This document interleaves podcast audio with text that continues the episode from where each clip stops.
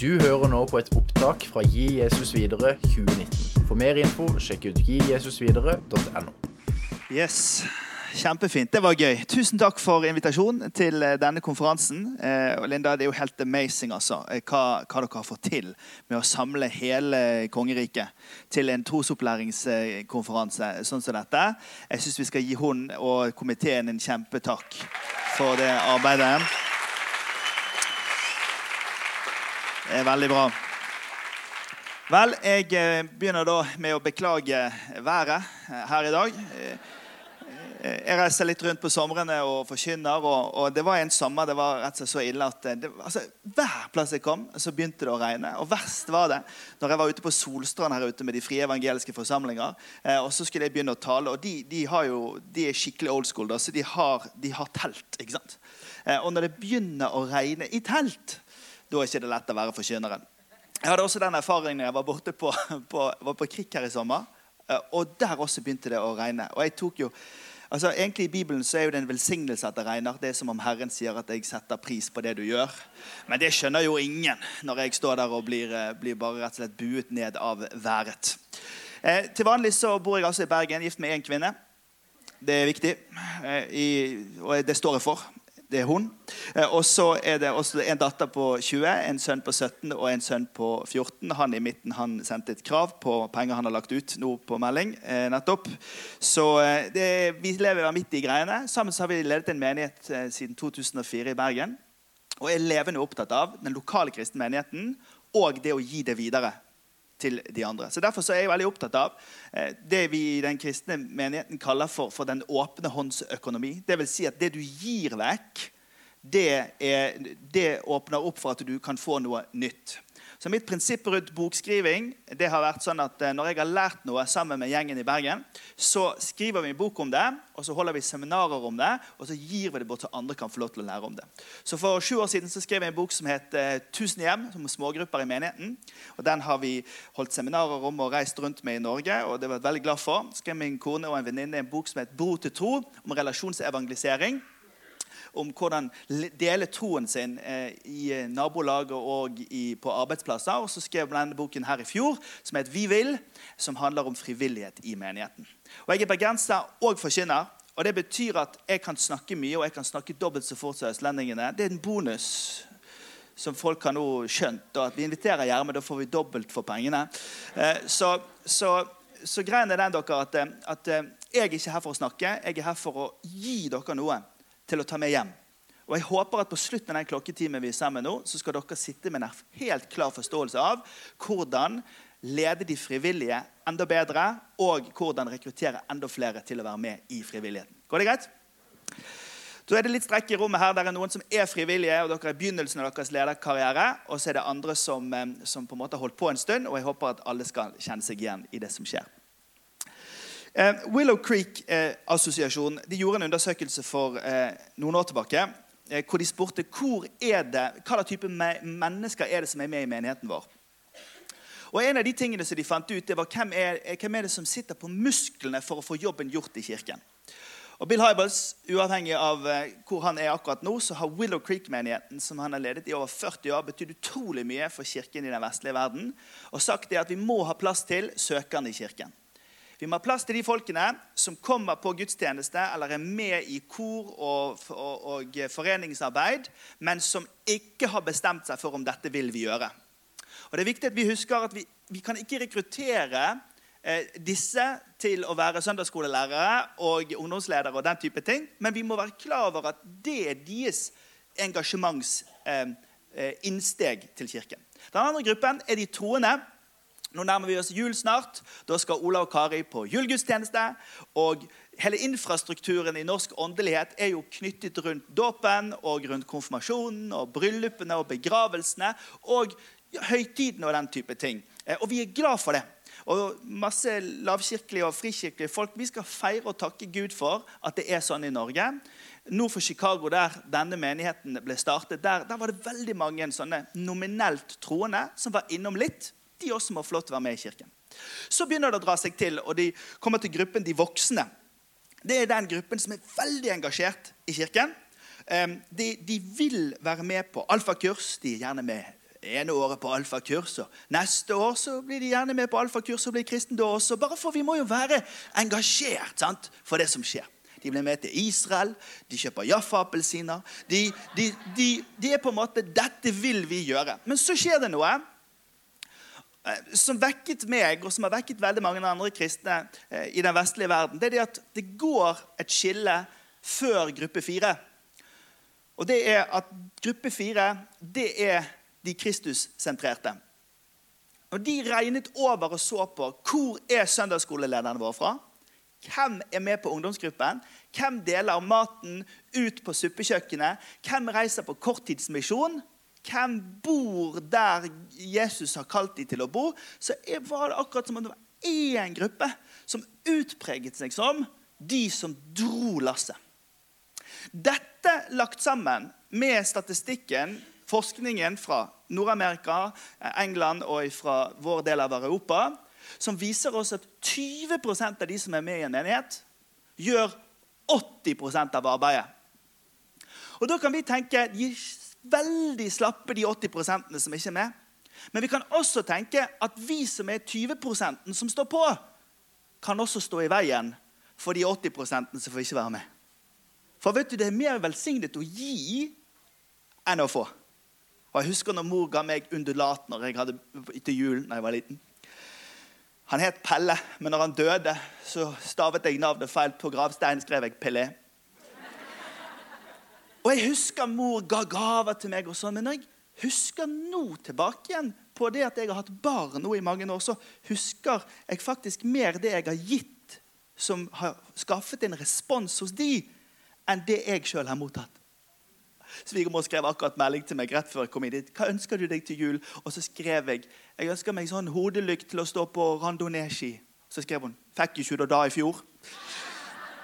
Skjønner du? Altså, Det er mer velsignet å gi enn å få. Og når jeg har spurt ungdommene når jeg har spurt ungdommene som har vært med meg i mange år, hva husker dere? Det, det De husker De husker de gangene de fikk holde andakten. De husker når de fikk være med på teamtur. Når de hadde en veiledningssamtale som betydde en forskjell. Når de fikk lov til å være med i sang og musikken. Så vi trenger å spinne om hodet vårt fra å tenke at det er én gruppe som drar, og en annen gruppe som nyter. Vi trenger å ta med alle de som nyter godt av arbeidet, og involvere dem i dette. Det er det Gi Jesus videre handler om. Er dere med? Så eh, De ringte til oss og spurte om vi kunne ta over menigheten på Voss. Da var det syv pensjonister der. Voss har alltid vært vanskelig. Voss, Voss, altså Hvis du kommer fra et sted som er litt krevende, så skal jeg si deg at Voss altså. Når eh, Olav den hellige rodde inn Hardangerfjorden i 1023, så dro han opp til Voss. Og så sa han til vossingene vil dere være kristne eller vil dere slest? Og vossingene sa vi vil slest. Og så var det slåsskamp. Og så tapte vossingene. Og så tvangsdøpte de dem i Vangsvatnet. Og vossingene de er smart. De prøvde å vaske av dåpen på vei hjem. Og Det har alltid vært litt sånn krevende på Voss. Og Så spurte de om vi kunne hjelpe til, og så sa vi ja, vi kan sende opp noen. Så Sara og Vegard de flyttet til Voss. Og så sa jeg til dem dere kan ikke reise alene til dette stedet. Hvem vil dere ha med? Så sa de vi vil ha med Elisabeth og Brian. Elisabeth hun kommer fra et sted som heter Bjelland her inne. Veldig liten plass. Han er på kartet, men det er veldig lite. Eh, og Hun var akkurat ferdig med eh, studiene sine eh, i medisin. Og så sa jeg be de møte meg på bønnerommet, så skal vi snakke med dem om, eh, snakke med dem om hvor de skal bo. Det er veldig lurt. Dere pastorer, ikke møt dem på kontoret. Altfor sterilt. Møt dem på bønnerommet. Og så tar du på sånn, sånn myndig, lavkirkelig innestemme. Gjerne slå over til litt svensk. Da blir det skikkelig åndelig stemning. sant? Og så sier jeg til Elisabeth Elisabeth, eh, hva, nå er du ferdig student, og, og Brian, og, hva tenker dere nå? Nei, da skal vel vi flytte hjem til Sørlandet. For det er det vi gjør på Sørlandet. Og da skjønte jeg dette mitt øyeblikk. Så jeg hørte pianospillingen i bakgrunnen. Så la jeg om til innestemme så sa jeg, Men har Jesus talt om for deg at du skal Sant? Jeg bare dro den. Og så sa han Nei, det har ikke vi tenkt på. Vi skal, vi skal be over det. Og vet du, Her for to uker siden så sa de nå har de kjøpt seg et 100 år gammelt hus. de. Rett over bryggeriet, rett ned for skiferbruddet. Og de bor der oppe. Men det er ikke bare de som bor der. Det er syv-åtte andre som har fått seg en jobb, bor på den plassen, anskaffet masse ski og For det er det du gjør da, på fallskjermer og revolver og alt det du trenger for å bo der. Men når jeg treffer sånne folk som, som har bestemt seg for at Jesus er herre i mitt liv Og eh, jeg, eh, jeg bor der han sier jeg skal bo. Jeg deltar i givertjenesten. Jeg bruker frivilligheten min til dette. Det er helt fantastisk. Og Jeg begynner med å si dette til oss, fordi når jeg snakker om frivillighet, så snakker jeg ikke om å gjøre dugnad. Jeg snakker ikke om å utløse et gruppepress som gjør at folk tar ansvar for koret. Jeg snakker om frivilligheten som et hjertets brannkor fordi Jesus er viktig for meg, og fordi dette troslivet er det innerste og det mest betydningsfulle, så engasjerer jeg meg. Men det å være en engasjert Jesus-etterfølger i Norge i dag, det, det, det, skjer ikke på en øy. Det skjer i lys av all annen frivillighet i samfunnet vårt, og det må vi også snakke sant om. Frivilligheten i Norge er i endring. Vi er et fantastisk rikt land når det gjelder frivillighet. Vi har 115 000 årsverk i frivilligheten i Norge. Og nordmenn er i verdenstoppen på å bry seg om eh, og, eh, nærmiljøet sitt og om idretten og kulturen i frivilligheten. Det skal vi være glad for. Men samtidig er den i endring. Den er i endring fordi at eh, vi, vi har hakket travlere liv. Vi er også mer opptatt av vår egen familie og vår egen CV og våre egne interesser. Så, så, frivilligheten i Norge har endret seg, og den har også endret seg i lavkirkeligheten og i frikirkeligheten og i religiøst arbeid i Norge. Og Det må vi snakke sant om. Jeg elsker min mor. Hun er 79 år gammel. Hun kommer fra Sogn og Fjordane. Og når hun får en tekstmelding fra menigheten 'Du skal på vaskeparti', da er det sånn med min elskede mor at om hun har migrene her begge armene i fatle, vondt i ryggen og alle sykdommene i hele Wikipedia-universet Hvis det står på tekstmeldingen at hun skal bidra til storfellesskapet Jeg lover deg mor er på plass. Men hvis en i min generasjon får en tekstmelding Vaskeparti tirsdag. Herligheten, det er et overgrep. Her er, det, her er det neste generasjon på Farmen på TV-en, og jeg er veldig så invadert av, av, tekstmeldingen. Den kommer på en måte inn i det innerste, av der jeg føler at jeg må være helt fri til å føle akkurat Altså, vi, vi har jo Vi har jo Vi har jo dyrket Unnskyld til alle rogalendinger. I love you. Eh, eh, Jesus elsker dere. Han kommer igjen også for å hente dere hjem. Men men hør, det er noe med at denne endringen den gjør at vi blir litt frustrert også. Men jeg har lært, etter, etter 20 år som pastor så har jeg lært at jeg blir en dårligere leder av de frivillige. Jeg blir en dårligere pastor av å gå rundt og være sur og lei meg fordi at folk reagerer sånn. Og en veileder som sa til meg hun sa til meg, altså Det er jo et kjempeproblem, sa hun. At du er lei deg på søndags ettermiddag fordi noen ikke var i kirken. Altså, La oss tenke igjennom det. Skal du sutre eh, på, på søndags ettermiddag fordi at det var sol ute og noen valgte å gå på en tur istedenfor? Du må jo ikke gi følelsen din til de folkene som ikke er der. Og det der er bare ah, seier over den, tenkte jeg. Det der, så sender jeg melding til henne av og til. 'Veileder, dette går fint. I am okay. I'm not uh, in the psychiatric hospital uh, at the moment.' Men, men, så hadde jeg et lite tilbakefall her. Eh, det hender at vi får tilbakefall, vi som er pastorer. Så Det var desember i fjor. Så reiste en kamerat i Oslo og sa til han, du, jeg, må si, nå er jeg 820 søndager nå. Siden start. Jeg bare, men altså, at folk ikke kan flytte kroppen sin til Gud Hvorfor de der hyttene, de båtene? skjønner? Og jeg bare kjenner på meg sjøl. Nå blir du dårligere som menneske. Du blir en dårligere kristen. Hvem, står ikke i Bibelen at jeg skal gå etter hyttene til folk eller snekkene til folk? Senk snekkene, brenn hyttene. Står ikke i Bibelen. Så jeg, så jeg, så jeg sier til han du må, du må, skjønne det. Dette er Norge, sier han. Ganske sånn velstående type. Dette, dette er Norge. Og på søndagen så er de så glad for deg. Samler de ungene på hytten. sant? Hvite anorakk, Jaffa-appelsiner, solen høyt på himmelen, Kvikk Lunsj. Sitter de der, og så sier de nå er klokken elleve, unger.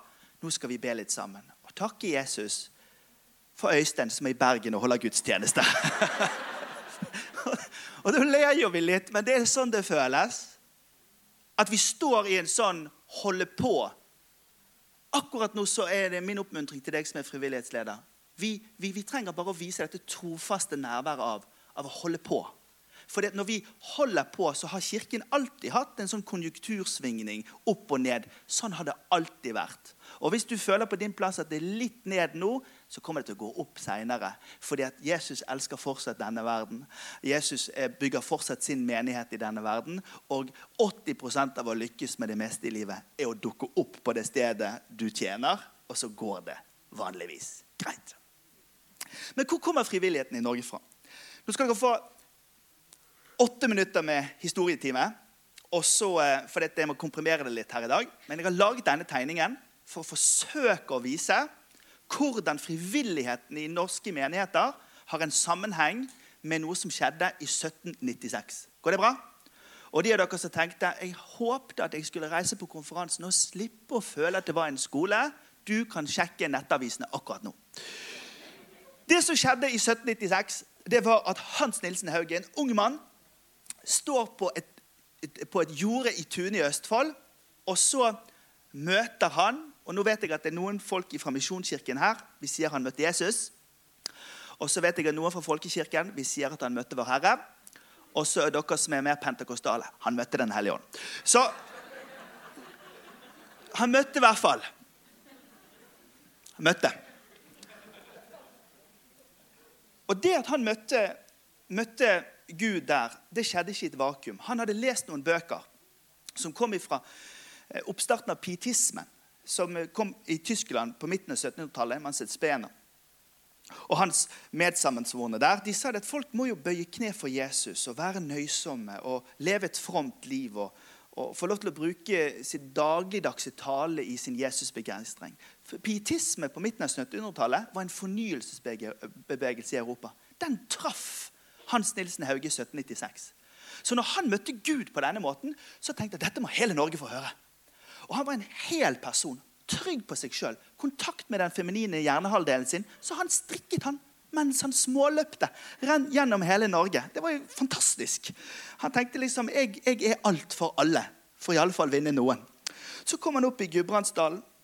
Og Så traff han en storbonde der, og så kom han opp til Molde og traff en, en eller annen fiskerimann der. Så kom han til Trøndelag, og så reiste han rundt i Norge. dere. Og så satt ikke han hjemme på kontoret og jobbet med powerpointen sin før kveldsmøtet. Nei da, han jobbet for å bygge landet på dagtid, og så holdt han møter på kveld. Men dette var ikke lov. Det var ikke lov på dette tidspunktet å drive kirkelig arbeid sånn som vi gjør, for de hadde en regel som sa at det er den lutherske presten som har monopol på det. Hans Nilsen Hauge døde 53 år gammel. Da hadde han stått i fengsel i store deler av livet sitt. Sitt, akte, sitt voksne liv. De siste ti årene var han helt stille nesten. Han bodde oppe i Groruddalen som bonde. Men i 1845 så kom det en ny lov i Norge som heter dissenterloven loven som sa at det er greit at de som ikke tror på, på, Gud, sånn som folkekirken gjør, de skal også få lov til å holde på med troen sin i Norge. Og de av dere som er våkne i det politiske landskapet nå, Den gangen så valgte de at Norge skulle være et livssynsåpent samfunn. Og denne høsten velger vi fortsatt å være et livssynsåpent samfunn. 50 år siden så tenkte de religion er ferdig om 50 år, men verden er et stadig mer religiøst sted i dag. Og Noen slåss med nebb og klør og kommer på nye ord vi aldri har hørt om for å forsøke å sette oss i, i dårlig lys. Men saken er den at det undertrykket av 'jeg elsker Jesus og jeg vil gi det videre', det lever. Ikke fordi vi er fromme og fine, men fordi han bygger sin kirke i verden i dag. Og Vi frikirkelige og lavkirke vi skal takke Gud for at i 1845 så var det lov til å gjøre sånn som vi gjør. På det tidspunktet så reiste kvekerne fra Røldal til Amerika. Eh, andre eh, baptister dro til Amerika fordi, fordi de ble forfulgt. Saken er bare den at de, dette landet har nytt så godt av den åpenheten som vi har hatt. Fram til 1850 så hadde vi folkevekkelse 1 i Norge. Folkevekkelse, rent religionssosiologisk, betyr det at nye slekter kommer til å tro på Jesus. Det vil si at det er ikke bare ett etternavn i menigheten. Det er opptil to-tre. Nei, men Det er utrolig viktig. Jeg traff en jente som kom fra en liten menighet i Luster. Hun sa alle i vår menighet heter det samme som meg. Og det er klart at Da blir du inngift etter et par generasjoner. og Det er ikke bare bare. Da, da må de reise litt til Filefia og Oslo og ned til Filefia Kristiansand og ordne litt med genpolen. Ok! Det står ikke i manus. Det andre tegnet på en folkevekkelse er at man bygger et religiøst lokale. Altså et tredje sted å møtes. Man har eh, hjemmet sitt, og så har man arbeidsplassen, så har man et tredje sted. Altså bedehuset. Jeg satt som student i Amerika. Og så leste jeg om moderne kristne vekkelser. Så leste jeg om bedehusvekkelsen i Norge, som tok av fra ca. 1860 og fram til 1900. Jeg grein. vet du, St. Paul Theological Seminary, Bethel Theological Seminary. Så jeg, I am from Norway.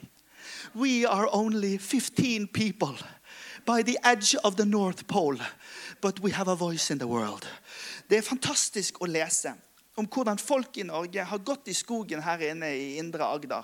Og så har De hogd ned ti trær og så har de tatt en av trærne og gitt dem til bedehuset for at bedehuset skulle bli bygd. De har reist ut på Helgelandskysten og fisket torsk, og så har de tatt én og gitt den til bedehuset og én og gitt den til misjonen. Norge er bygd i lavkirkeligheten og frikirkeligheten nedenifra. Er dere med? Og dette er viktig at vi som er unge her også forstår. Selv om noen av de voksnere blant oss har skjønt dette, så må vi unge også forstå det. Vi må forstå det at nedenifra var det et trykk som gjorde at vi vil dette. Vi må ikke dette. Vi vil. Salme 110. Villig kommer ditt folk. Den hellige ånd tenner våre hjerter så at vi vil. Fra 1860 dere, og fram til 1900 så tok det helt av i det vi kaller for folkevekkelse 2. Det var altså nye slekter, nye steder, nye bedehus, nye forsamlinger. Og Da reiste vi fram og tilbake til Amerika og USA. og Metodistene kom, og adventistene kom, og baptistene kom, og pinsevekkelsen den kom jo litt seinere. Men det var et klima som var åpent. Samtidig som dette skjer i Norge, så er vi under, i union med Sverige. Og fordi vi er i union med Sverige, så er jo vi ikke så vi er ikke politisk organisert ovenifra men vi er organisasjonsmessig organisert nedenfra. Bli med meg på et tankeeksperiment. En storbonde oppe i Larvik han kan ha en sønn som heter Ole. Og så husmannen nede han har en sønn som heter Hans. Oddsen for at begge de to gikk i samme klasse, var med i det samme lokallaget for Roforeningen, er veldig høy i Norge. Og det er der, på det nivået, på lokalplan, at Norge lenge før 1905, når vi ble en egen nasjon, var et organisasjonssamfunn. For de store idébevegelsene på 1800-tallet, kvinnebevegelsen, målbevegelsen, eh, eh, eh, lekmannsbevegelsen, som det vi snakker om her, altså kirkelig bevegelsen Alle disse bevegelsene formet hvem vi er som nasjon. Avholdsbevegelsen. I 1860-årene dere, i Bergen Indremisjon var det 3000 barn på søndagsskolen. Bergen var jo en shippingby, sånn som Rotterdam og Amsterdam. og Det var masse prostitusjon og masse alkoholmisbruk og masse slumområder. Og Der reiste disse haugianske indremisjonsfolkene seg og ville bety en forskjell for byen. Fantastisk! Det er vår arv. Vi kommer ifra dette. Folkevekkelse 2. Folke, 1905 så blir jo Norge en egen nasjon. Og eh, Jeg satt på kvinneklinikken i Bergen og skulle føde. Det var hun som skulle føde, men jeg var jo aktivt med. Eh, og Det var på 100-årsdagen til Norge. Jeg så ned på slottet til Christian Michelsen, statsministeren. Så sa jeg baby, kommer han i dag, så kaller vi han for Christian Michael. Og Hun bare kneip igjen. Og så fødte hun rett over midnatt, for hun ville ha et annet navn. For hun er veldig ordentlig sånn. Men i 1905-6 så blir Norge et eget land. I 1906 kommer pinsevekkelsen til Norge. Første sted i Europa med metodistpresten Thomas Baal Barrat til Norge. Og så kommer folkevekkelse 3. Pinsevekkelsen sammen med Misjonsforbundet og andre samfunn fram til andre verdenskrig. Og Religionssosiologen i Norge er helt enig med at vi har hatt de tre de siste 200 årene. Etter krigen har vi ikke hatt nevneverdig store folkevekkelser det er at nye slekter og nye navn har kommet inn. og Derfor er det sånn at når du prater med litt folk i NLM, og, og sånn, så, så, er det noen etternavn som går igjen. Og hvis du prater med noen i Nordmisjonen, så er det noen navn som går igjen. Og i EMF så er det sant? Og der er ganske mange Nordbyer og Lunder. Og, og borte hos oss så er det Svartdaler og Hegatuner. og Det er ikke så mange minus lenger, men eh, vi har våre navn, vi også. Slektene som følger. Vi tror jo på omvendelsesveksten av at nye folk skal komme til tro. Men vi må høre hovedbudskapet vårt i denne konferansen. Det er det at vi må gi det videre til de som vokser opp i hjemmet vårt. De som vi kan lære vanene av den kristne troen. fordi at han er guden av tre generasjoner. Abraham og Isaks og Jakobs gud. Han lærer oss opp til å lære opp i hjemmet og i kirken. Og vi bare må iverksette denne reformen i tanken vår og i aktivitetene våre i Norge i dag. Og så vil vi tegne et sånt kart om 100 år som viser at vi fikk en oppsving cirka nå. Er det greit så langt? Mye på kort tid? Hvis dere blir helt eh, eh, utslått av dette, så bare få et anfall, besvim, gjør noe. Da stopper jeg. Etter andre verdenskrig dere, så er jo det slik, etter krig så må det fødes babyer. Og det gjorde vi i Norge enorme mengder med babyer. På 50-tallet i Bergen så var det 1100 barn i Metodistkirken sentralkirken i søndagsskolen. Og Pinsekirken Tabernakel hadde over 1000 barn de også i søndagsskolen. Helt vilt. Det var helt vilt, eh, det som skjedde. Og I 1950 så gikk Norge fra å være et eh, bondesamfunn over til å bli et, et industrisamfunn. Og det som skjer når du flytter fra bondegården, der det er store barneflokker og stor plass, og arbeid helt til du legger deg om kvelden. Og det å flytte inn i en by der det er mindre plass, mindre barneflokker, og så dukker det opp noe som heter fritid på kvelden. Og Min mor og min far de har personifisert den overgangen. Begge oppvokst på gårdsbruk, begge fra store barneflokker. Så kommer de til Bergen, flytter inn i et rekkehus og får to barn.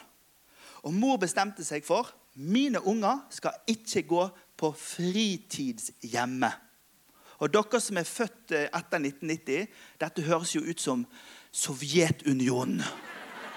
Og det var nettopp det min mor også mente. det var, Mine unger skal ikke gå på fritidshjemmet. Så hun sto opp etter nattevakten og lagde middag til oss og passet på. Og prøvde å holde igjen på en utvikling som har tatt helt av i Norge. Vi går tilbake til 1950. I 1950 dere, er den største folkebevegelsen i Norge avholdsbevegelsen. Men rundt 1950 så detter avholdsbevegelsen som en stein i Norge rundt 1950-1960. Avholdsbevegelsen, den som kom fordi at vi må ikke drikke oss til døde, vi må ikke ha vold i hjemmet, vi må ikke ødelegge framtida for ungene våre, sammen med lekfolkets religiøse vekkelse i Norge og solidaritetstanken i arbeiderbevegelsen, sluttet vi å drikke fordi vi var solidariske med hverandre. Men når fritiden kom, så bare begynte vi igjen. Og det slo ut umiddelbart. Men det var ikke før på 1980-tallet at det slo ut i bedehusene og i frikirkene i Norge at vi led av den samme konsekvensen. At byene vokste, og at fritiden kom, at flere og flere eh, eh, kvinner gikk i arbeid, det gjorde at vi, at vi på 1980-tallet for alvor hadde et samfunn i Norge som het fritidssamfunnet.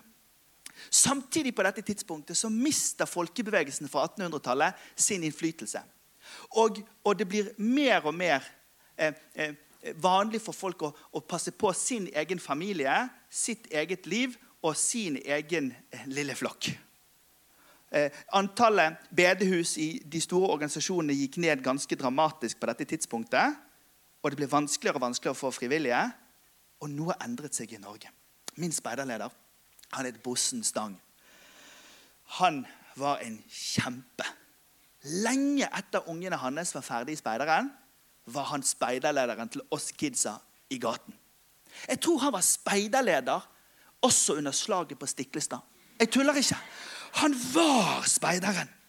Og det var også Jakob Tofting, min søndagsskolelærer. Han var søndagsskolen.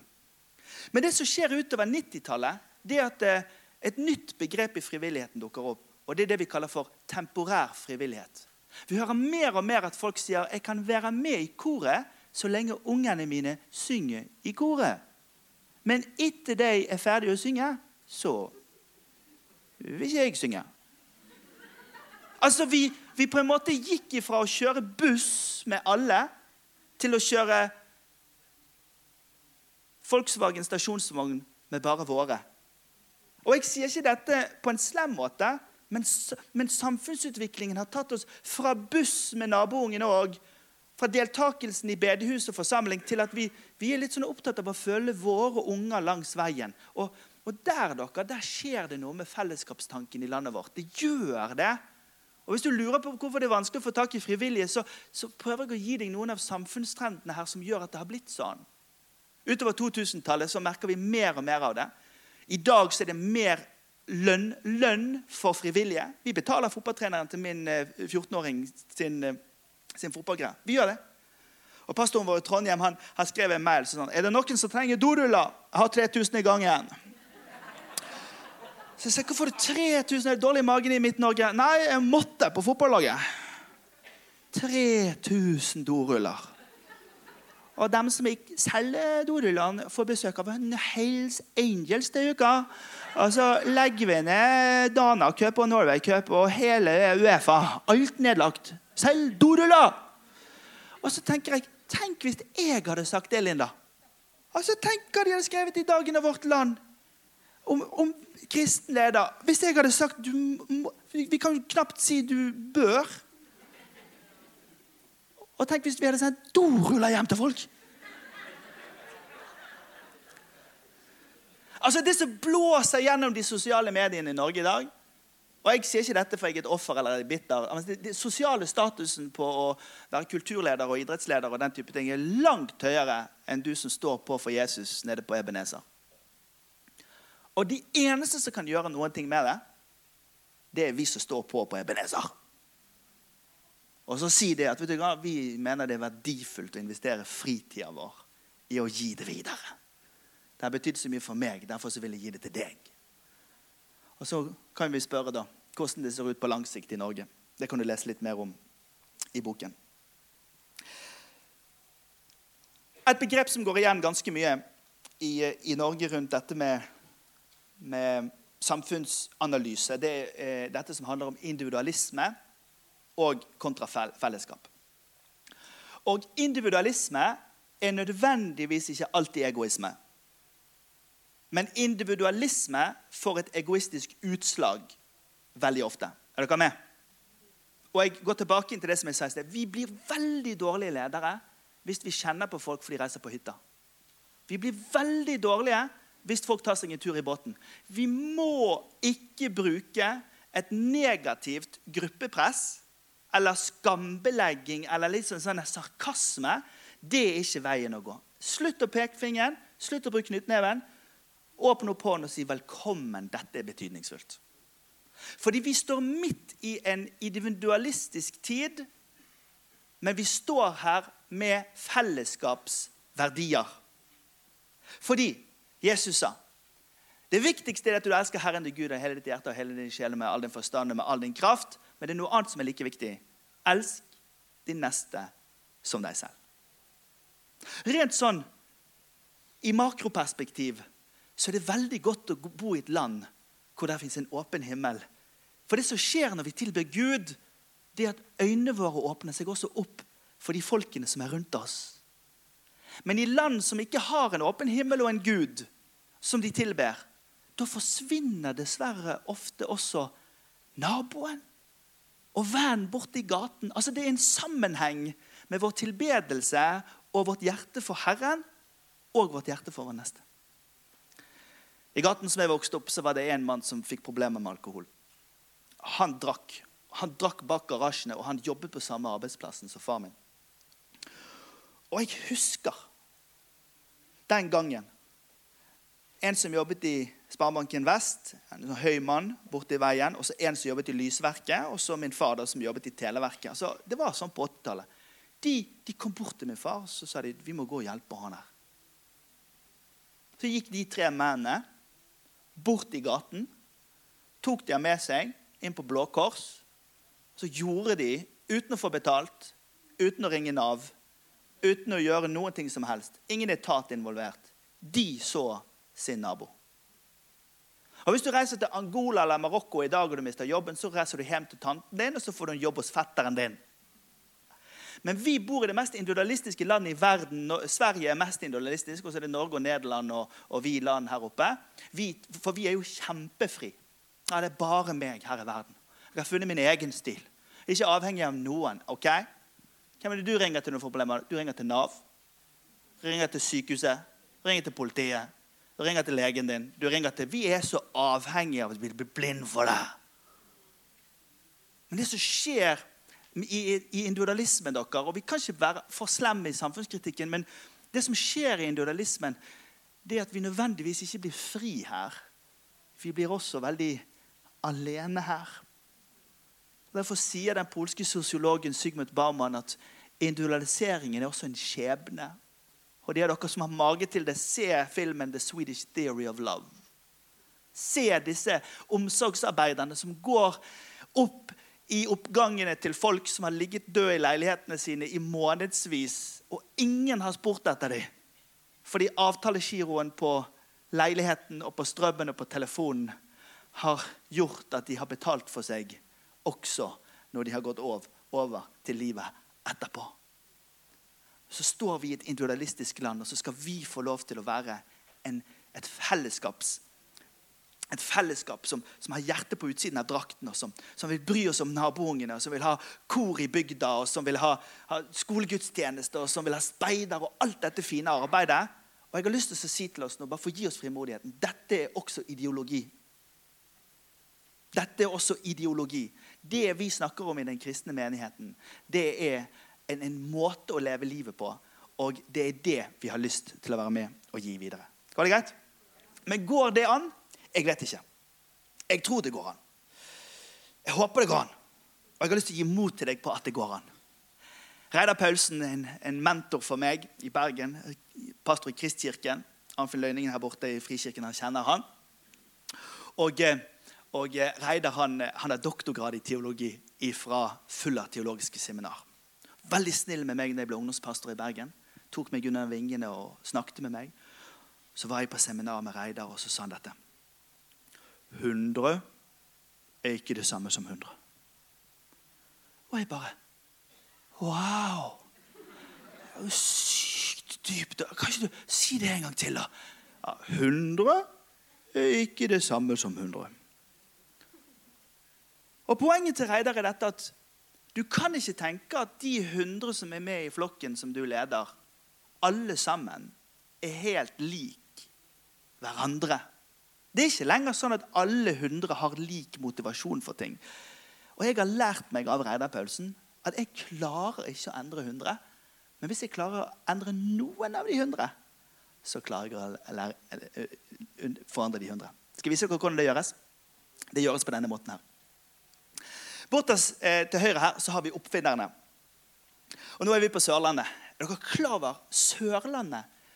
Altså, Reiser du til Amerika i dag så treffer du De fleste amerikanere de er jo i slekt med Olav den hellige. eller noe sånt. Alle er jo i slekt med en, med en uh, vikingkonge. Men, men de, veldig mange de kommer fra Sørlandet. Og det som skjedde dere, nå må dere følge med, det som skjedde, det var at når de skulle flytte til Amerika, så var det veirydderne som dro først. Det var de som rei innover. De hadde med seg revolver, pil og bue. Og så skjøt de gaupe og måke og grizzlybjørn. Så tenker dere dere til resten. sant? Men av hensyn til hva som kan stå i avisen, så sier jeg ikke mer på denne illustrasjonen. De skjøt, skjøt, det de måtte skyte, og så ringte de hjem og så sa de, ringte de opp i Eiken her oppe og bort til Mandal og sa det er ganske trygt her. Og så, og så, og så, og, og så sa de Kom, vi reiser til Amerika. Og så reiste de, og da var det hest og kjerre og et par unger. Fortsatt revolver. Og så kom de ut i South Dakota og Montana, og så satte de opp en liten gård der. Og så ryddet de. sant? Og du vet, de tidlige etterfølgerne Hadde ikke det vært for de tidlige etterfølgerne, så hadde det vært ganske vanskelig å få til noen ting som helst i befolkningen av Amerika. Det hadde vært også veldig vanskelig å få til noe i menighetsbygging i Norge. Kom en dame til meg. Hun hadde bodd i Oslo lenge. Gud besigne hun, bare for hun med en gang hørte at hun hadde bodd der. Eh, og, og eh, hun sa til meg at nå har vi vært med i, i en stor menighet der, og vi har lyst til å ha sånn søndagsskole her eh, på Stord også. Og så sa han, men de sier til meg det går ikke på Stord. Så sier jeg, hvem er det som sier det går ikke på Stord? Nei, de sier det. De sier at det var vedtatt i 1814 i Grunnloven. Det står i Grunnloven, det er ikke lov. Så sier vi du må ikke høre på sånne folk. sa jeg. Det... Og vet, vi skulle starte en ny menighet i Trondheim. En familie med tenåringer som har flyttet fra Indre Agder her til Trondheim. Og så ringer de til meg og sier dere vet at det går ikke. 22 menigheter er nedlagt i Trondheim siden 1990. Det er helt umulig. Jeg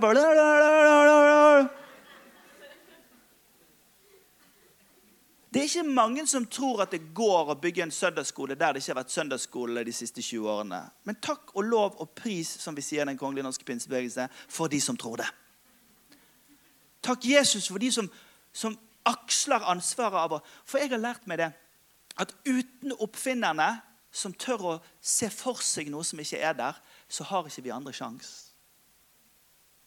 Og takk og lov og pris for de første tidlige etterfølgerne som tenker det har klikket for lederen vår, så vi må hjelpe han.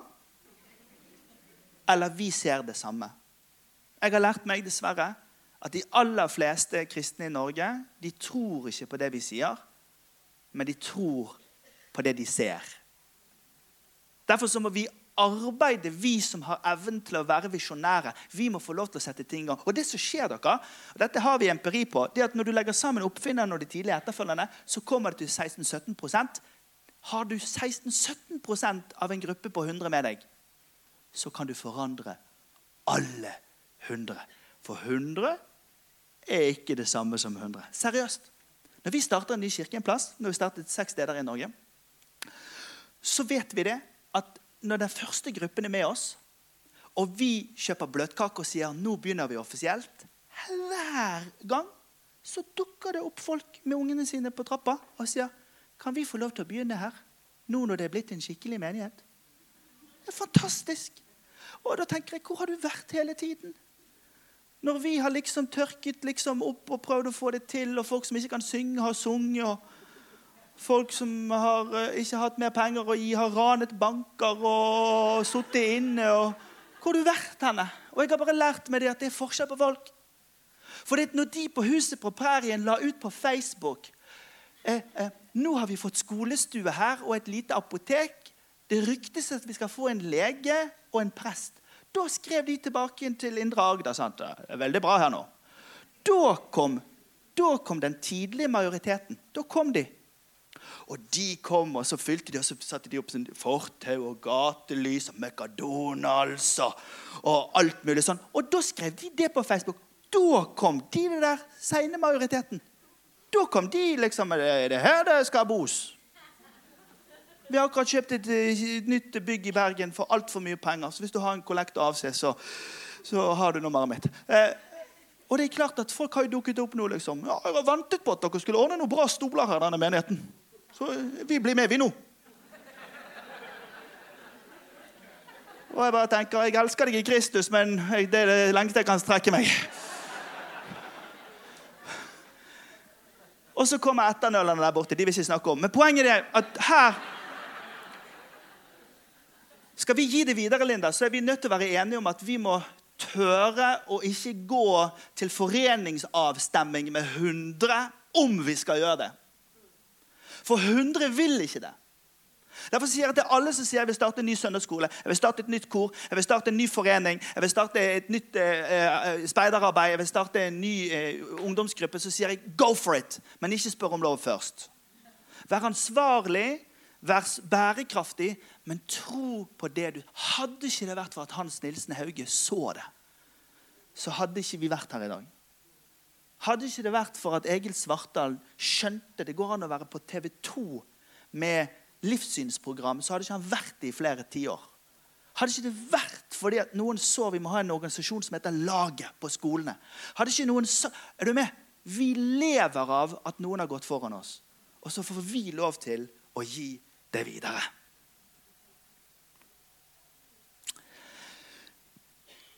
Jeg har bare 15 minutter igjen.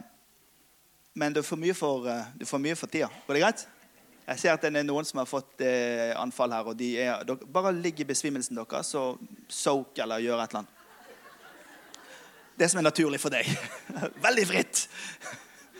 Det er det som er fordelen med å ha en fra pinsebevegelsen. Det er veldig fritt. Du kan gjøre akkurat det du vil. Bare ikke snakk når jeg snakker. Så, Kultur og hindringer. For noen år tilbake så hadde vi Frelsdebatten i Norge. Og jeg sier det ordet rett ut, for jeg mener at det som skjedde i avisene og i kommentarfeltene for to-tre år siden, fire år siden, må vi høre. Og den tingen jeg tar med meg ifra det, det er det at vi som er ledere, er ansvarlige for å forvalte unge menneskers lidenskap. Det jeg mener med det, er at vi kan ikke bare fortsette å la det brenne også i begge endene når noen er engasjert for Jesus. Jeg mener at Vi i frikirkeligheten og lavkirkeligheten vi har dårlig track record på at vi setter folk til å gjøre ting uten at vi gir gode nok arbeidsbeskrivelser og avgrensninger rundt arbeidet. Og Det gjør at for mange blant oss jobber for hardt, for mye alene, for lenge. Og når vi skjønner at det har gått gale, så trekker folk seg. Sånn skal vi ikke ha det lenger. Kan du kjøre den der tilhengeren med ved eh, østover ditt? Jeg ringer om 15 minutter. Så ringer ikke du om 15 minutter. Så ringer de når de står på kaien i Stockholm. Eh, hvor langt skal jeg kjøre den der? Eh, det var Østersjøen her borte nå. Du skulle, bare, du skulle bare bort i nabolaget. Vi må skjerpe oss, folkens. Og så må vi skjønne at Ola og Kari Normann i dag er vant til på arbeidsplassen sin å få en arbeidsbeskrivelse. Vant til å være med på en prosjektbeskrivelse.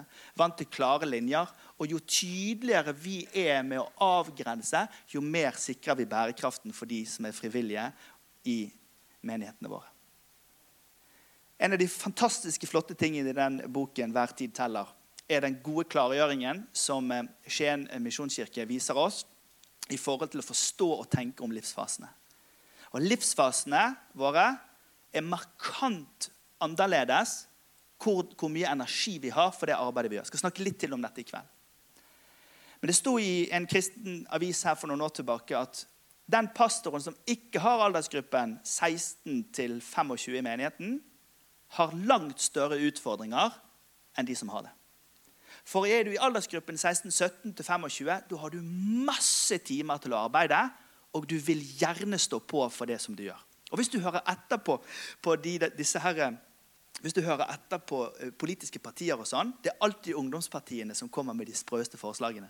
Har dere sett det? Det, det, er helt vilt. Sånn, MDG, ikke sant? Nå, siste forslag. Sånn at alle treene i Norge skal få en nattasang og en klem før de legger seg. Altså, altså Det er jo et forslag jeg spilte inn, da. Men, men, men, men også, altså, For er du idealist og ung, så, så, vil du få det til. ikke sant? Du, vil, du kjøre på. Men det vi har merket hos oss, jeg sier det rett ut, vi har merket at eh, når folk blir 7, 8, 10, 29 da, da sakter farten ned. Jeg skal ta og pakke dette helt ut for deg i kveld. men DNK sier at folk er på det mest religiøse når de er konfirmanter, og på det minst interesserte når de er 29. Og vi må forstå at livsløpet til folk ikke betyr at de blir vantro eller frafall. Vi må bare forstå at, at, det må være greit å stå på litt mye når du er i 20-årene, og så må det være greit å roe litt ned når du er småbarnsforelder. Men det viktigste er at folk ikke stopper. Jeg har elbil, og jeg har elbil-batteriangst. Inni golfen vår, når det er lavt batteri, så slutter vi å snakke. Vi slutter å puste. Vi puste. Og på Vestlandet det er mange flere oppoverbakker enn nedoverbakker. Og, og jeg lengter etter nedoverbakkene, for da kan jeg lade. Sånn som Therese Johaug gjør. Opp bakken, og så står hun sånn. Men hun er i fart, selv om hun er utslitt. Og jeg sier til barnefamiliene våre ikke stopp. Vær med litt. For når vi er med litt, så er vi i fellesskap med hverandre i det vi forsøker å få til. Men ansvaret for de frivillige det sitter på oss, og det er det vi er nødt til å tenke på. I en menighetstilblivelse dere, så er det sånn at menigheten eh, fødes på et tidspunkt. Og De første årene i vår kirke så gjorde alle noe. Eh, det, det, var helt vilt de første årene. Jeg har alltid hatt et mål om at 80% i kirken vår skal være i aktiv tjeneste. Og vi, vi, har klart det i alle Det har tatt helt av. Husker når vi fødte vårt første barn. Mor er veldig påståelig. Som sa datter, da er en guttunge. Så sier men mor, du kan ikke vite at dette da er en guttunge. Jo, du er gutt, og brødrene hennes er gutter, og halvparten av alle mennesker i hele verden er gutter. Så dette er en gutt. Ja, mor, jeg hører på hva du sier. første jeg sier når Gina føder babyen vår, det er Gina, Gina. Gutten er en jente. Eh, og så, så begynner syv år med fødsels- og sånn det der leverpostei og Kiwi-pakke. der bleipakke. Sånn var det i menigheten òg.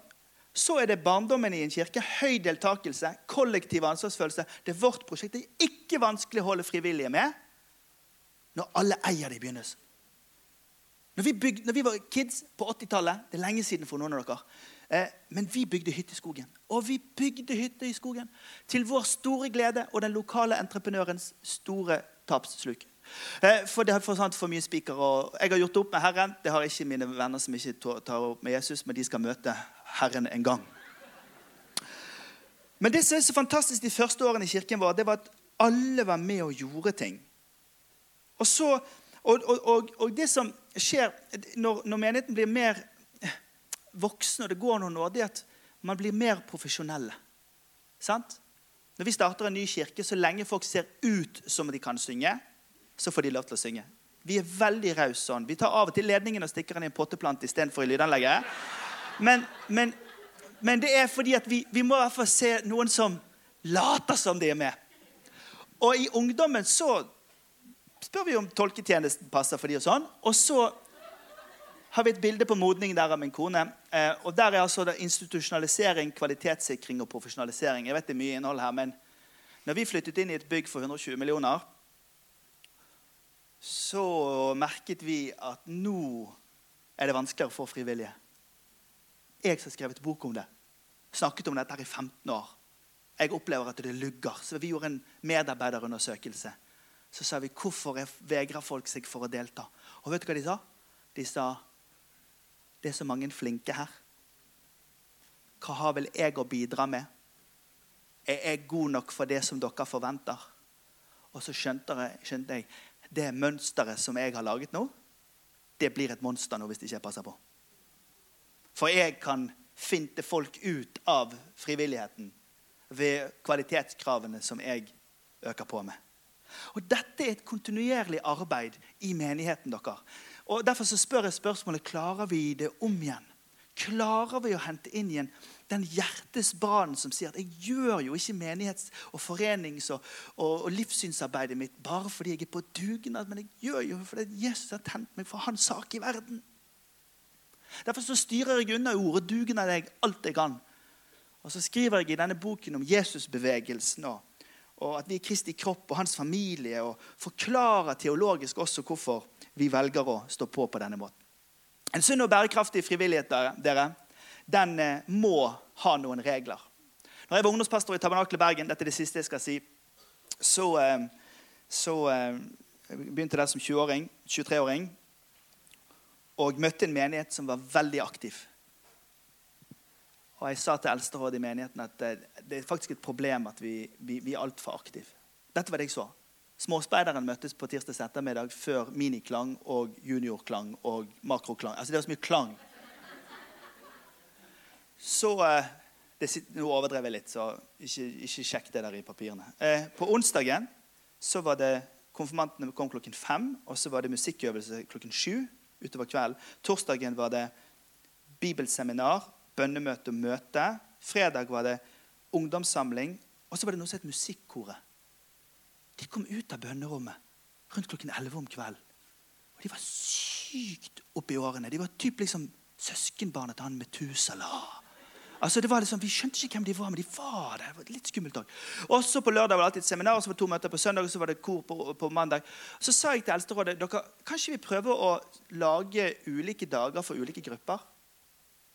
Så satte vi alle speiderne inn på tirsdagen. Så lagde vi musikkdag på onsdagen. Så lagde vi møtedag på torsdag og ungdomsdag på fredag. Plutselig hadde hver i menigheten hver sin dag. Plutselig så hang det sammen, og foreldrene kom til meg og sa Tusen takk for at vi har en litt enklere kalender nå. Vi slipper å kjøre så mye inn hit, og vi får allikevel mer ut av det. Og nå, noen år seinere, så vet vi at det har også spart klima. Ja da, Jeg har sagt det til de godtroende pinsevennene. Vi har tettet ozonhullet fordi vi ordnet med kalenderen. Det andre vi gjorde, var at vi eh, innførte et poengsystem. Det har ikke jeg nå i Salt, men jeg gir dette som et tips til dere. For jeg merket at de mest engasjerte de holdt på hele tiden. Det er vanskelig å si til en 21-åring som opplever at Gud har sagt til dem at de skal ting. Så jeg sa det at Hvis du leder et lovsangsteam, så er det to poeng. Og hvis du leder en smågruppe, så er det to poeng. Da har du fire poeng. Fire poeng er ett poeng mer enn jeg anbefaler deg å ha. For jeg har altfor mange som blir 25 og snur seg og sier menigheten tok alle årene. Og det er din feil, ungdomspastor. Så jeg sier, Det får ikke dere lov til å si til meg. Så jeg forteller dere hva anbefalt mengde er. Jeg sier ikke, Dette står ikke i Bibelen, dette. Men det var én måte for oss å legge til rette for at folk skulle skjønne at det fins et nok-punkt. Er det noe vi sliter med å finne i Norge, så er det nok-punktet. Og vi må hjelpe de frivillige til å gjøre det bærekraftig og på en god måte. Det tredje vi gjør nå i kirken vår i dag, det er at vi har ulike sirkler av forventninger. Lederne forventer vi ganske mye av. Men vi sier ikke hele kalenderen til lederne på søndagsmøtene. Møter du oss på en søndag, så sier vi 'kom på gudstjeneste og gå på en smågruppe'. Men lederne våre de får en kalender. De er et par hundre stykk. De får kalenderen tilsendt i august og desember. Så kan de gå inn og så kan de skrive inn og bytte vakter og sånn. Sånn at det er lett for de å være med i ledelse i kirken. Vi gir tilstrekkelig informasjon, sånn at snubletrådene blir færre gjennom semesteret. Da opprettholder du positiviteten, og du kjenner at du jobber sammen med dem.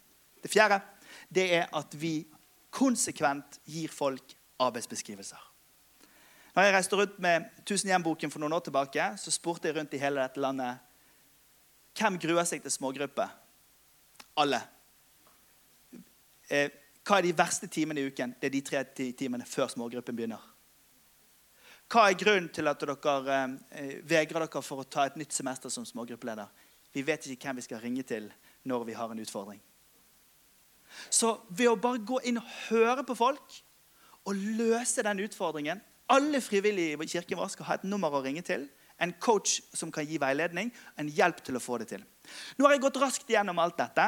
Jeg har brukt opp tiden min. Jeg respekterer at tiden min er over. Boken Vi vil om frivillighet i menigheten er tilgjengelig borte i bokkiosken der borte. Eh, og eh, den inneholder alt det som jeg har snakket om her, pluss masse mer. Som jeg er overbevist om at kommer til å gi deg valuta for pengene. Fordi at eh, det er erfaringen vi har fra 15 år bak i tid, som vi har bestemt oss for. Vi vil gi den til deg. Og så deler vi på det. Og så satser vi på at Herren gir oss noen nye tanker, så vi kan få lov til å fortsette å, å dele med. Kommer du på noe som jeg trenger å høre, så send meg en mail. For det, det er sammen vi lærer å gjøre denne jobben. Tusen takk for meg, Linda.